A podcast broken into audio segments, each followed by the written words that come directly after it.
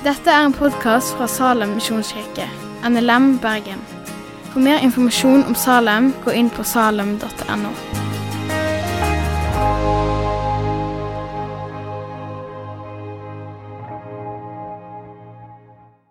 Takk for det. Jeg forstår dere går gjennom første Korinterbrev. Og vil gjerne si jeg syns det er en fantastisk fin og offensiv måte å bruke Bibelen og hele Bibelen på, også inn i gudstjenester. I dag er det kapittel 12.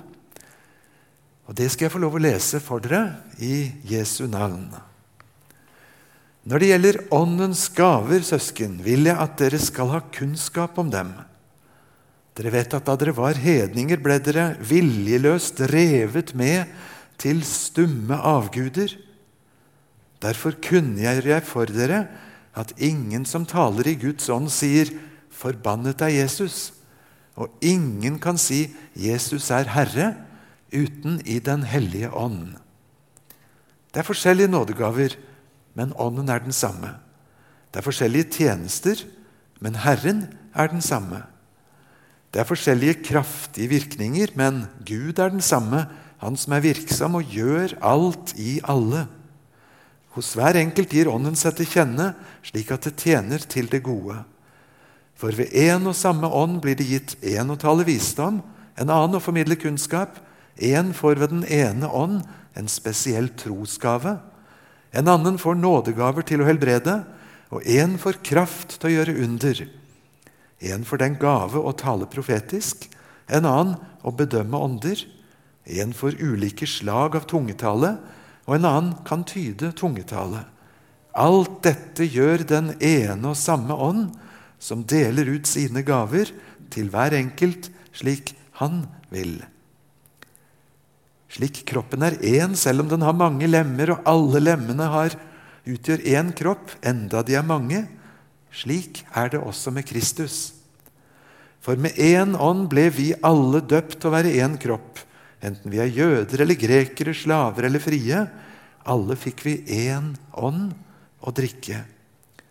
For kroppen består ikke av én kroppsdel, men av mange. Om nå foten sier 'fordi jeg ikke er hånd, hører jeg ikke med til kroppen', så er den like fullt en del av den.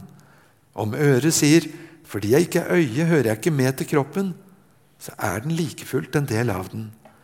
Hvis hele kroppen var øye, hvor ble det da av hørselen? Hvis det hele var hørsel, hvor ble det da av luktesansen? Men nå har Gud gitt hver enkelt lem sin plass på kroppen, slik han ville det. Hvis det hele var én kroppsdel, hvor ble det da av kroppen? Nå er det mange kroppsdeler, men bare én kropp. Øyet kan ikke si til hånden 'Jeg trenger deg ikke', eller hodet til føttene 'Jeg har ikke bruk for dere'. Tvert imot. De delene av kroppen som synes å være svakest, nettopp de er nødvendige. De kroppsdelene som vi syns er mindre ære verdt, dem gir vi desto større ære. Og de delene vi føler skam ved, kler vi desto mer sømmelig. De andre trenger ikke. Men nå har Gud satt sammen kroppen slik at det som mangler ære, får mye ære, for at det ikke skal bli splittelse i kroppen, men alle lemmene har samme omsorg for hverandre. For om ett lem lider, lider alle de andre med. Og om ett lem blir hedret, så gleder alle de andre seg. Dere er Kristi kropp. Hver av dere er et lem på ham. I kirken har Gud for det første satt noen til apostler, for det andre profeter, for det tredje lærere, deretter mektige gjerninger, deretter nådegaver til å helbrede, til å hjelpe, til å lede og til ulike slags tungetale. Er vel alle apostler? Er alle profeter? Er alle lærere? Gjør vel alle under? Har alle nådegaver til å helbrede? Taler alle i tunger? Kan alle tyde tungetale? Men vær ivrige etter å få de største nådegavene. Og jeg vil vise dere en enda bedre vei. Kolon. Og så kommer kjærlighetens høysang i kapittel 13. Hadde dette vært en undervisningstime hjemme på Fjellhaug, så hadde jeg bedt alle sammen om å bruke et halvt minutt til å fortelle sin sidemann, sidekvinne, hva hørte vi nå? hadde det vært litt risky. Her var det mange, mange vers og mange ord. Masse kropp, kroppsdeler, lemmer, hører sammen. Og så var det først og fremst masse om nåde og nådegave. Hvis du skulle forklare på enkelt norsk hva er en nådegave Enig i at det ville vært litt vrient? Eller hvis du skulle si det på godt engelsk, og du ikke er så kjent med engelsk språkbruk, ville du kalt det for en grace gift? Nei, det går ikke. For selve ordet er jo smør på flesk. Det er nåde, nåde, gi bort gave, få et eller annet gratis. Og sånn er det på gresk. På gresk står det rett og slett 'det derre nåde'. Dere vet Gud ga dere det derre nåde. Ja, hva er nåde for noe, da? En halv kilo nåde? To meter nåde? Det går liksom ikke helt opp, og til og med står det i flertall. Nådene som dere har fått. Nåde er ifølge Bibelen mange ting. Det er Guds mangfoldige nåde. Først og fremst er det noe som skjer på kontoen min i himmelbanken. Der det var røde tall så det griner. Av gjeld og uendelighet av minus. Du har fått nåde på himmelkontoen. Jesus tok alle de røde tallene i sekken sin, og så bar han det bort. Og så fyller han på med nåde på kontoen. Så et Guds barn skal aldri se de røde, stygge tallene igjen. Når noen spør deg hvor er nåden, så skal du vise til kontoen. For er Gud for meg, hvem er da mot meg? Og så stanser det ikke med det som skjer i himmelbanken på kontoen. For å bli en kristen det er å få fanget fullt av nåde. Så rikelig at det tyter litt ut til de fleste kanter rundt oss. En nåde som er så stor at hvis synden var så høy at ikke vi kunne se over dem, så rekker nåden høyere. Om synden omringer oss, ikke vi kan tenke oss noen vei rundt, så er nåden breiere og favner det. Og Hvis vi erfarer at synden stikker så dypt at det kjennes som den går til jordens indre, så når den aldri lenger ned enn Herrens sterke armer når dypere. Og så er det nåde på konto i himmelbanken. Og så er det nåde til kropp, til sjel, til morgen, til kveld. Og så er det nåde til å forvandle oss og forandre oss.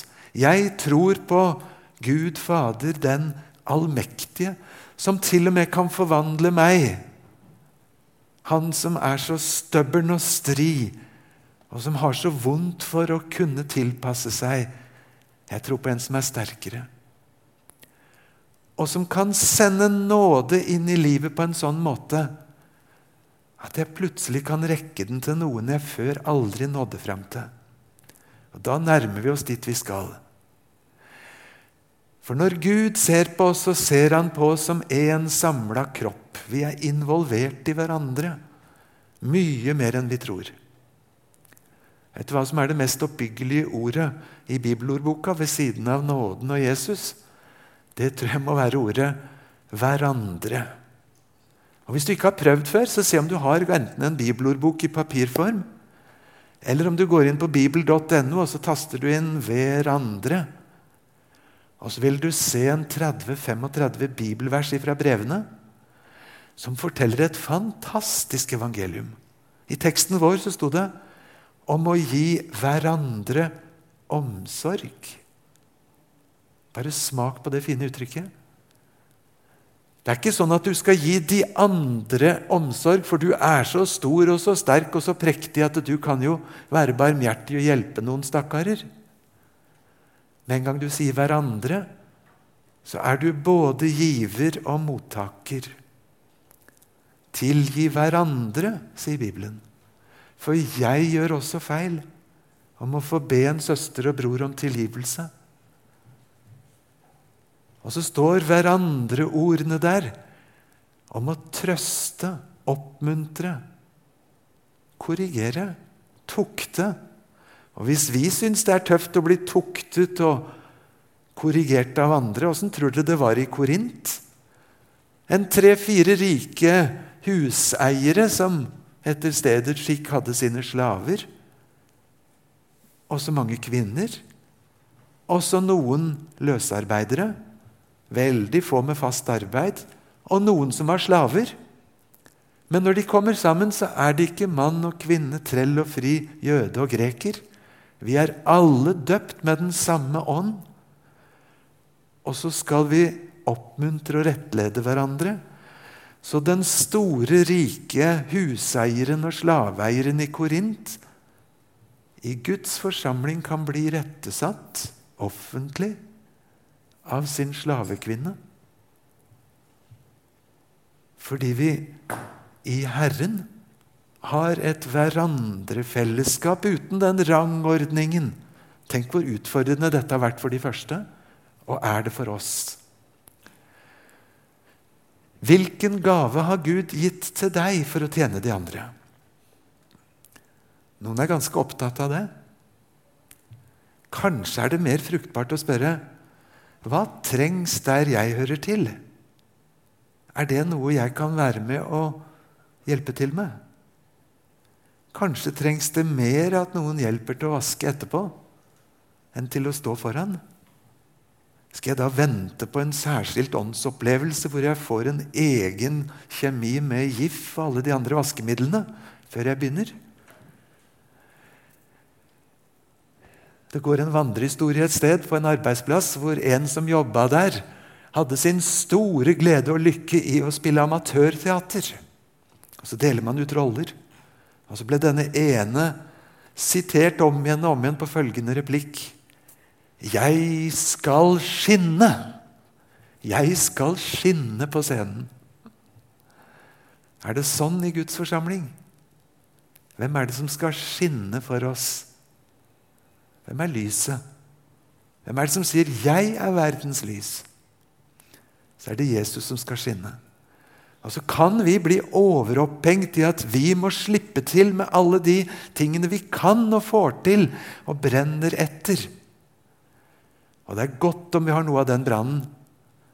Men det er altså ikke sånn at jeg først og fremst trenger en arena der jeg får utfolde meg. Men at jeg må få lov til å høre til på en kropp der vi trengs alle sammen i et samvirke. Det er ganske utfordrende i forhold til våre over, under og posisjoner og fortjenestemedaljer og litt erfaring og hva det er vi smykker oss med. Jeg vil ikke rose meg noe annet, jeg, sier Paulus, enn korset til Jesus, som de andre spytter på og syns bare er teit. Det er min stolthet og min ære å få høre til der sammen med denne gjengen. Ikke mange rike, ikke mange vise, ikke mange som regnes for noe i verden. Og likevel Kristi brev sendt til verden. Så er det noen som syns de har fått en for liten plass, og noen som syns de har fått en for stor og krevende plass. En gang vi gikk gjennom dette på Fjellhaug, var det en som spurte du, det der bildet med kroppen og kroppsdelene, tror du Tror du jeg kan få lov til å være blindtarmen? Det kan lyde som en fleip, som et ønske om å melde seg ut. Men det kan også være uttrykk for en sårhet. Jeg føler meg så liten. Vær så snill, ikke push meg, ikke sett meg i en, i en skvis. Men så skal vi altså ikke først og fremst tenke på hvilken plass skal selveste jeg ha i dette. Men hva er det vi som et fellesskap trenger å be til Gud om? For at nåden fra Gud som havna i fanget mitt, ikke må bli liggende der, men må komme videre. Få armer og bein og føtter og SMS-er ut til folka rundt oss som enda ikke har nåde verken på himmelkontoen eller i samvittigheten eller i hverdagen sin.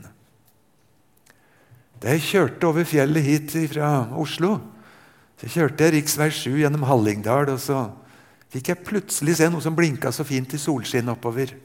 Et splitter nytt, stort, flott lokomotiv. Og det kjørte mye fortere enn jeg kunne kjøre. Det kjørte helt solo, ikke en vogn etter seg. Jeg satt og så på toget mens jeg memorerte teksten og prøvde å arbeide med hva dette er for noe. Og Så begynte jeg å tenke du må få si til vennene i Bergen Gud har ikke kalt oss til polfarere som skal innta Sydpolen alene.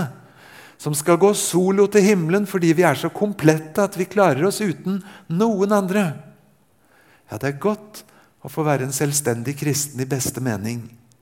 Men det er ikke Bibelens ideal at vi skal være lokomotiver som kjører dønn aleine uten en eneste vogn, og viser fram i blank, fint metall hvor sterke vi er, og hvor fort vi klarer å kjøre. Er det jeg som skal skinne, eller er det noe Gud ville ha gjort for oss? Hadde dette vært på Fjellhaug, så hadde vi hatt en åtte-ti timer nå til å gått gjennom hver av nådegavene. Det skal vi altså ikke. Men bare hør på klangen. Noen som har fått en profetisk gave. Sånn at plutselig så er det bare Gud og den ene i en direkte én-til-én bak fasaden. Med nåde, trøst eller med irettesettelse. Og så er det noen som har fått en lærernådegave. Sånn at plutselig så skjønner vi hva det var det som sto og så kan vi ha nytte av det. Og så er det noen som har fått en nådegave til å lede. Og noen fikk en nådegave til å dele ut, står det. Er ikke det flott? Til å gi videre til dem som trenger, på en måte som ikke ydmyker dem, og setter dem i en uendelig takknemlighetsgjeld som føler seg små. Og så er det noen som fikk en nådegave til å helbrede. Det står til og med i flertall på gresk. Nådegaver til helbredelser. Kanskje den store himmellegen er minst like spesialisert i sin hjelpeapparat også overfor kroppslig legedom som skolemedisin er. Begge deler Guds gode gave. Vi får bruke den gaven skolemedisinen er. Bruke bønnens gave i møte med sykdom. Felles bønn vi får bruke veien om salve og be den som er syk. Så skal troens bønn reise den syke opp. Men så står det også om nådegaver til helbredelser.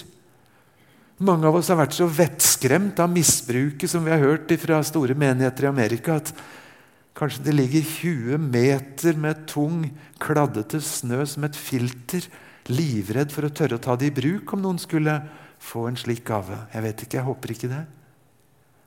Misbruket opphever aldri gaven og bruken. Så sto det om ulike slags tunger, nådegaver til å tale i tunger, eller også til å tyde den.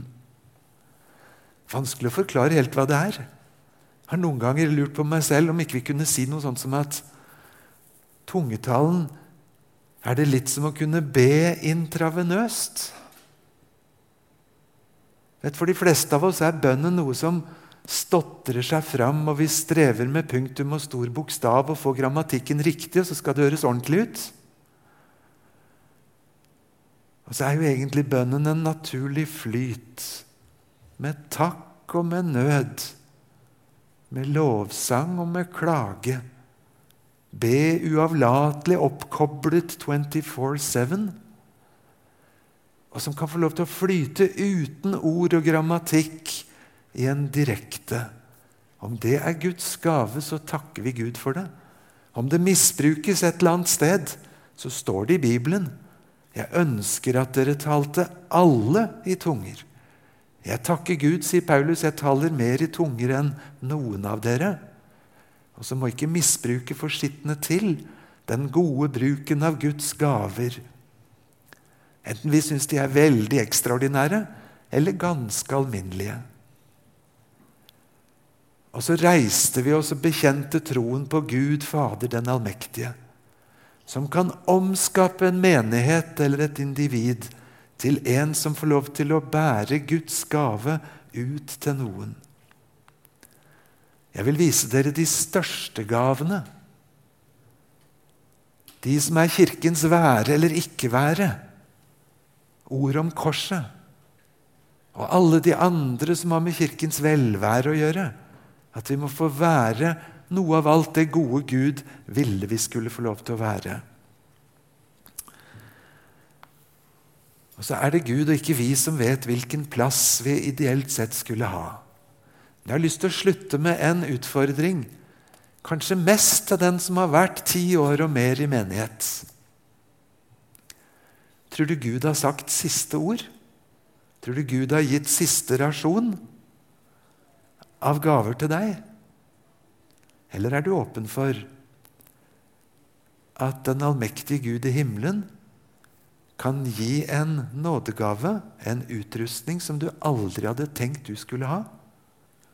Fordi det sto en plass ledig et sted der Gud ville ha noen. En liten omplassering eller en total omplassering. Fordi vi lever i en bønn til en levende Gud, i en skiftende verden.